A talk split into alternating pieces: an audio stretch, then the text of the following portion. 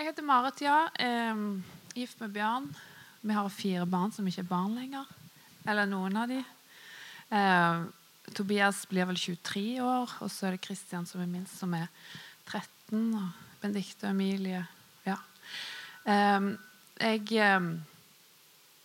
eh, skal få lov å snakke om dette med å høre Guds stemme.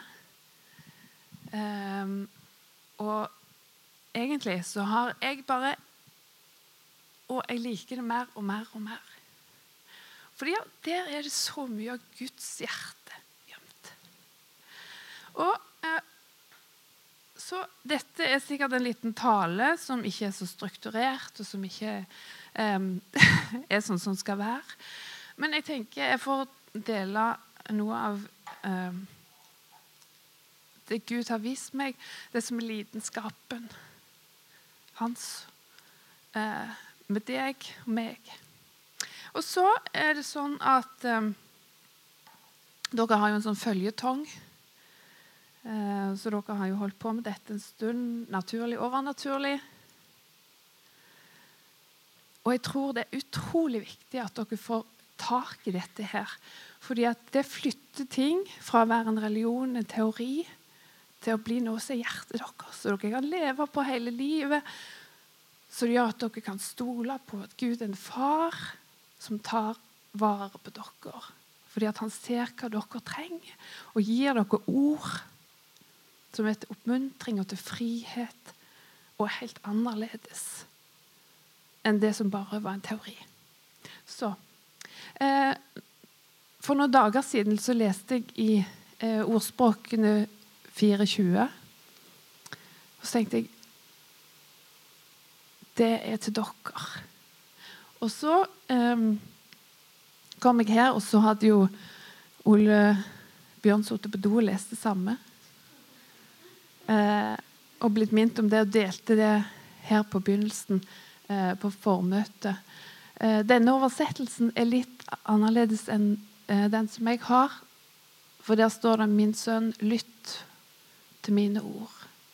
Bøy ditt øre til min tale.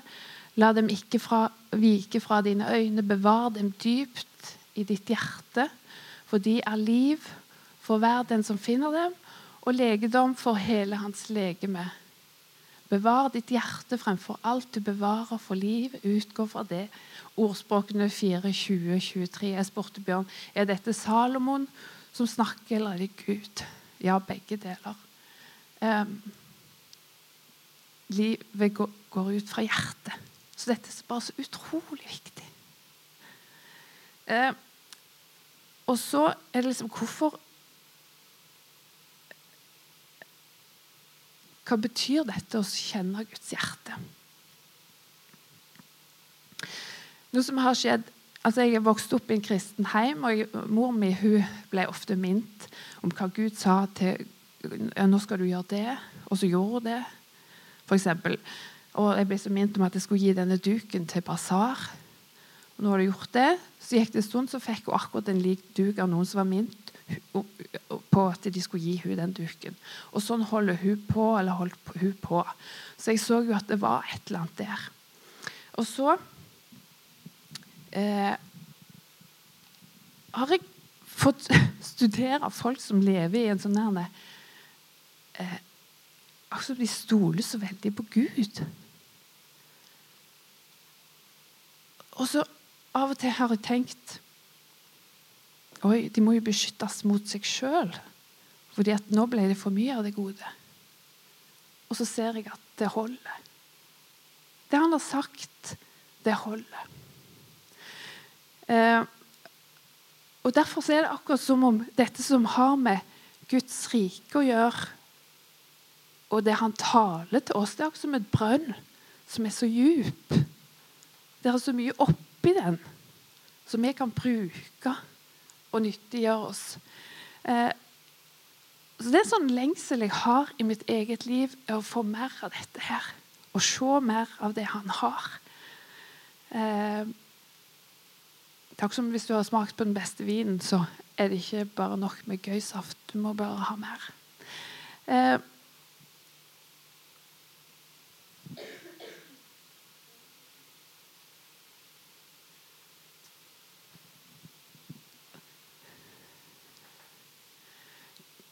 Gud taler. Var, eh, nå, nå, kom han med det samme verset som jeg hadde fått. Og det har jeg sett at det skjer veldig ofte, egentlig. For at Gud han har flere kanaler. Og jeg elsket å reise på leiren når jeg var sånn 13-14-15 år. Og det som jeg, jeg, jeg syns det var altså så kjekt, og det syns gjerne dere òg. Men jeg hata noe som heter vitnemøte, som var nesten den siste kvelden. Der man skulle liksom, Hvis man hadde fått noe fra Gud, så kunne man få reise seg opp og si det. Og det var ikke fordi at jeg ikke hadde noe å si. Fordi at hver gang så ga Gud meg et ord. Marit, det kan du dele. Eh, fordi at jeg hadde Jeg, jeg ville ikke. Og så kunne du tenke å ja, men hvis du visste at det var Gud, selvfølgelig, hvorfor kunne du ikke gjøre det? Men jeg opplevde at det var, det var egentlig en sånn, litt sånn kamp rundt det. Og når jeg satt der og idet jeg hadde bestemt meg for Nei, sorry, Gud, jeg gjør det bare ikke. Så var det en eller annen som reiste seg opp. Og som regel var det den siste på, på det vitnemøtet som sa, leste det verset som jeg hadde fått. Og ja, men Da var det jo ikke vits i Marit, kunne du si. For da har han jo alltid en plan B. Eh, kanskje det, men jeg har oppdaget etter så årene har gått, at jeg har så lyst å være med og få lov til å dele det han gir meg. Eh, så derfor så eh, Når det hadde skjedd en tre, fire, fem ganger, så, så jeg lærte på en måte å høre Guds stemme uten å gå på det han ba meg om å gjøre. Det er òg en måte å lære på. Jeg eh, husker det var en slektning som ikke var så gammel. Og Jeg ble så minnet om at jeg skulle si til han, for han trodde ikke på Gud eller var ikke kristen. eller sånt. Jeg ble så minnet om at jeg skulle si til han når jeg traff han i et familieselskap du vet hva, Gud far, han er så glad i deg. Og Så tenkte jeg nei, Marit, det kan ikke du si, fordi at, hva må han tro om deg? Fordi at han, han er jo ikke kristen. Og han var jo ikke noen gammel mann, men det var siste gangen jeg så han, fordi han døde i en nokså akutt situasjon. Eh, og det var ikke sånn at Gud sa til meg, 'Marit, der ser du'. Men det var mer sånn 'Marit, eh, dette er en invitasjon til deg til å bli med neste gang på det jeg gjør'. Det var ikke noen sånn pekefinger eller noe sånt. Det bare 'Marit, når du får noe, så kan du bare dele'. Og så har jeg, har jeg opplevd så mye så mange ganger at denne lengselen etter mer av det han har, den bare vokser. Og så blir det sånn at drit ikke hva andre måtte synes og mene. Og eh, jeg må si at eh, eh, at Gud gir de samme tingene til flere. Det er ganske fascinerende. Eh, jeg satt på Det var en lørdag jeg var på et eller annet på IMI. Så ble jeg så minnet om at nå nå må du ta og sende det bibelverset fra Salme 91 Det er ei i huskirka som drev og skulle ha barnedåp for barnebarnet sitt. Og Da ble hun så glad, for der satt hun på lørdagen og forberedte barnedåpen. Hun satt der med et kort. Og hun hadde bedt om å få et ord til dette dåpsbarnebarnet sitt, som hun kunne få dele, og som kunne være et ord for han resten av livet. Et ord over han. Og på det kortet så hadde hun dette bibelverset. Og hun sitter der og skriver kortet. Og så får hun melding akkurat samtidig med samme bibelverset. Og da blir det sånn en ekstra Gud ser meg. Gud ser denne lille. Um, så det er kjempegodt å få lov til å gå i dette her. Og se mer og mer av det. Av og til så opplever jeg at Gud sier ting, så tenker jeg hva, hva, hva er nyttigheten i dette her? Trenger jeg vite det? Det kan være at jeg våkner om morgenen, og så eller jeg jobber som avdelingssykepleier. Det betyr at jeg har ansvar for ganske mye folk. Eh, både syke og friske, holdt jeg på å si. Og så kanskje våkne om morgenen, og så Av og til spesielt når jeg drømmer ting, så helt rett før jeg våkner, så er det ting som skal komme til å skje. Og så oppdager jeg etter hvert at, at uh, det er jo gjerne Gud som vil si meg ting. Og så våkner jeg med det der at Oi, hun er sjuk i dag. Så sier jeg til Gud ja, men hun pleier aldri å være sjuk. Og hva skal jeg med den informasjonen? For jeg kan ikke gjøre noe med det nå, for jeg skal jo på jobb. Og så kommer jeg på jobb, og så får jeg vite ja, hun er sjuk. OK. Men så blir det sånn at ja, men Gud, du, du er i framtida. Det er ingenting som er noen overraskelser for deg. Jeg sitter og lager planer for sommeren. Det skal plasseres 600 vakter, eller mer enn det. Så får jeg det får meg at skal jeg sette inn hun her, en trofast fotsoldat som alltid kommer når hun skal. For hun kommer ikke til å være her, tenker jeg. Hvorfor, hvorfor kommer hun her? Jo, men hun kommer jo til å være her, hun. Nei, hun kommer ikke til å være her. Det er sånn, sånn diskusjon inni meg. Ja, men hun har jobbet her lenge. Jeg må jo bare gi henne jobb. Setter jeg opp, og så får hun annen fast jobb en annen plass. Så når sommeren kommer, da, så må jeg begynne å sette inn nye folk i hennes vakter. Altså, det å lære seg å høre etter hva Gud sier, det er en del fordeler med det òg i tillegg. Og så en ting til med det også, hvorfor vi skal høre etter hva du, Gud sier. Det er når du ber. Så hva i alle dager skal du be om? Um, kan du sette opp det verset på veggen igjen? Du kan kanskje bare la det stå der. Um, det står noe der om at um, for de har liv, altså ordene fra Gud, for hver den som finner dem og legedom, for hele hans legeme. Når Gud åpenbarer et eller annet for deg, så kan det være Det trenger ikke være fordi du skal springe til den og si vet du hva, 'Nå har Gud vist meg, nå har Gud sagt.' Det kan like godt være at han, at han vil si hva du skal be om. Um, nå kan det hende det blir litt mange historier her, men bare Når jeg var 19 år eh, må jeg vel ha vært. Jeg tror meg og Bjørn hadde vært sammen i to måneder. eller noe sånt. Du må protestere hvis du ikke er enig. Så hadde jeg en vaskejobb i Oslo, oppe med Bjerke. Et hus med basseng. Jeg var, jeg var 20 år, takk. Rett skal være rett.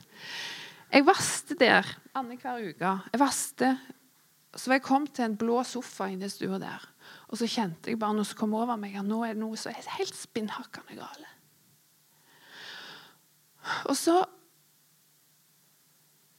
Jeg kunne ikke slutte å vaske, men jeg måtte bare si til Gud, kjære Gud, du vet hva det er, og så får du bare ta deg av det.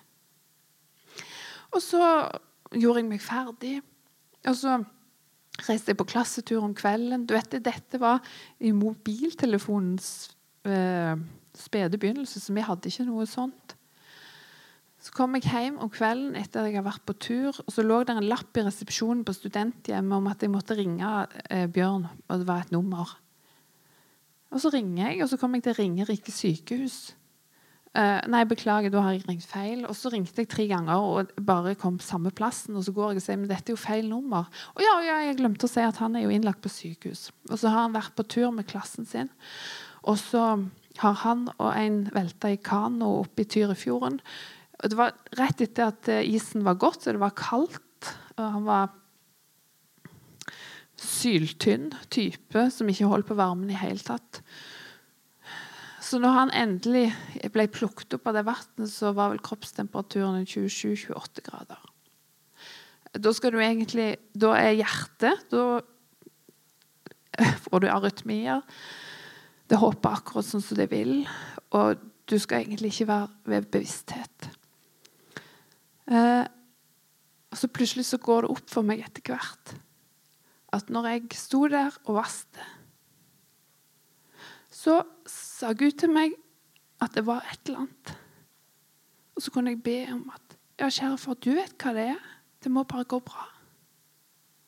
Og Så gikk jeg på sykepleien da. Så når vi hadde om dette her eh, eh, når folk blir nedkjølt. Han som underviste, han kunne fortelle at eh, ja, hvis du er uteligger og er godt vant med å kjøles ned, så kan du jo på en måte holde bevisstheten ned i 32 grader, og da Og så er jeg opp med hånda. Ja, men vet du hva? Han husker jo når han ble lagt inn i ambulansen når de stakk termometeret opp i rumpa. Han husker det jo. Han var jo der. Men han ville ikke høre på meg. Og håper dere får, får tak i dette. At Gud far, han er på en annen skala. Unnskyld. Han er annerledes. Han kan ikke ta øynene fra deg.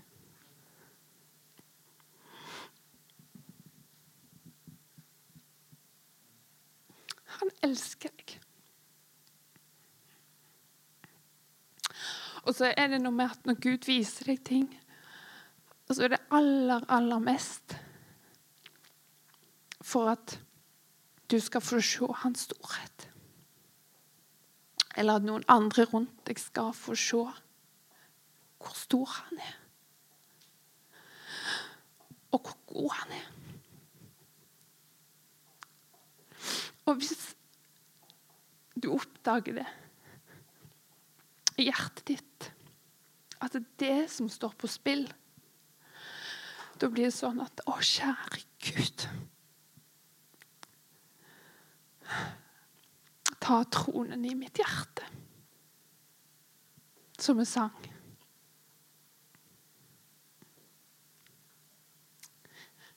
Fordi at det som er hans drøm, hans fantasi, hans plan ifra du ble forma i mors liv, det var at han skulle være så nær deg at du kunne kjenne pulsen hans og ligge inntil hans hjerte. Min sønn, det kunne like godt stå datter. Lytt på mine ord, akt på mine ord, bøy ditt øre til min tale. La dem ikke vike fra dine øyne, bevar dem dypt i ditt hjerte. For de har liv for hver den som finner dem, og legedom for hele hans legedom. Legeme. Det, han vil liv. Han vil gi framtid og håp, og han vil sette folk i frihet. Jeg glemte å se på klokka da jeg begynte. Hva, var hun? Jeg er urutinert. Eh,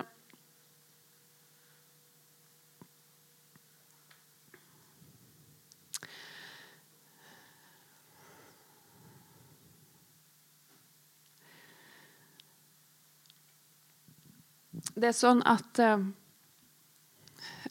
Jeg tror jeg skal ta et eksempel i forhold til ja, Tobias eldstemann. Han ble egentlig en del mobba på skolen. Og det var egentlig ganske mye som var ganske så vanskelig. Og jeg, jeg ba til Gud Kjære Gud, hvordan skal dette gå? For dette går jo skikkelig ræva, egentlig. Og så var det sånn at jeg gikk i sånne cellegrupper da. Og så, så sier jeg til meg Mart, vet du hva, jeg har fått en sang. Jeg tror det er inni i situasjonen. Det er, en, eh, det er, en, sang som er sånn Der du går, skal din vei åpnes for deg. Jeg vet ikke om dere synger den lenger. Det var bare den strofa der. OK, så fint. Ta det med meg. Jeg er like bekymra, egentlig. Så kom jeg på eh, forbønn. Og kjære folk, altså. Dette med forbønn det er noe av det aller, aller beste jeg vet.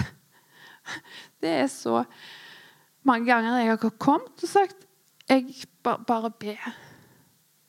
Og når, når, den som står der, ber, og det er det ene og det andre og det tredje som er bare rett inn i livet mitt, da kjenner jeg at da ser Gud meg. Parentes slutt. Og så er jeg der til forbønn, og så er det jeg som sier vet du, Jeg blir bare så minnet om denne sangen 'Der du går, skal din vei åpnes for deg'. Og så gjelder dette Tobias. Og så tenker jeg oh ja, kanskje det, kanskje, det, kanskje det er noe til meg. Kanskje det gjelder. Og når dette skjer for tredje gangen, da går det inn. Da går det derifra og til hjertet. Um, så han har bakkemannskaper rundt mange plasser, han. Og det som kommer fra han, det er til frihet. Så jeg vil bare oppmuntre dere at den lengsel dere har etter det som har med han å gjøre, det å høre hans stemme, at dere bare ikke er fornøyd med det dere har nå. Ikke for at det ikke er bra, men jeg er heller ikke fornøyd. Jeg vil ha mer. Det er en sånn lengsel, og jo mer du ser, jo mer må du ha. Um, en oppfordring, en oppmuntring. Sist så uh, satt dere i lag og så lytta dere, og så delte dere kanskje hva Gud, dere opplevde Gud sa. Jeg vil bare oppfordre dere i den uka som ligger foran. Er det noen Gud vil at dere skal gi en oppmuntring til? Noen som trenger det? Det kan være sånn uh, lekser til neste gang. mm. Skal vi be?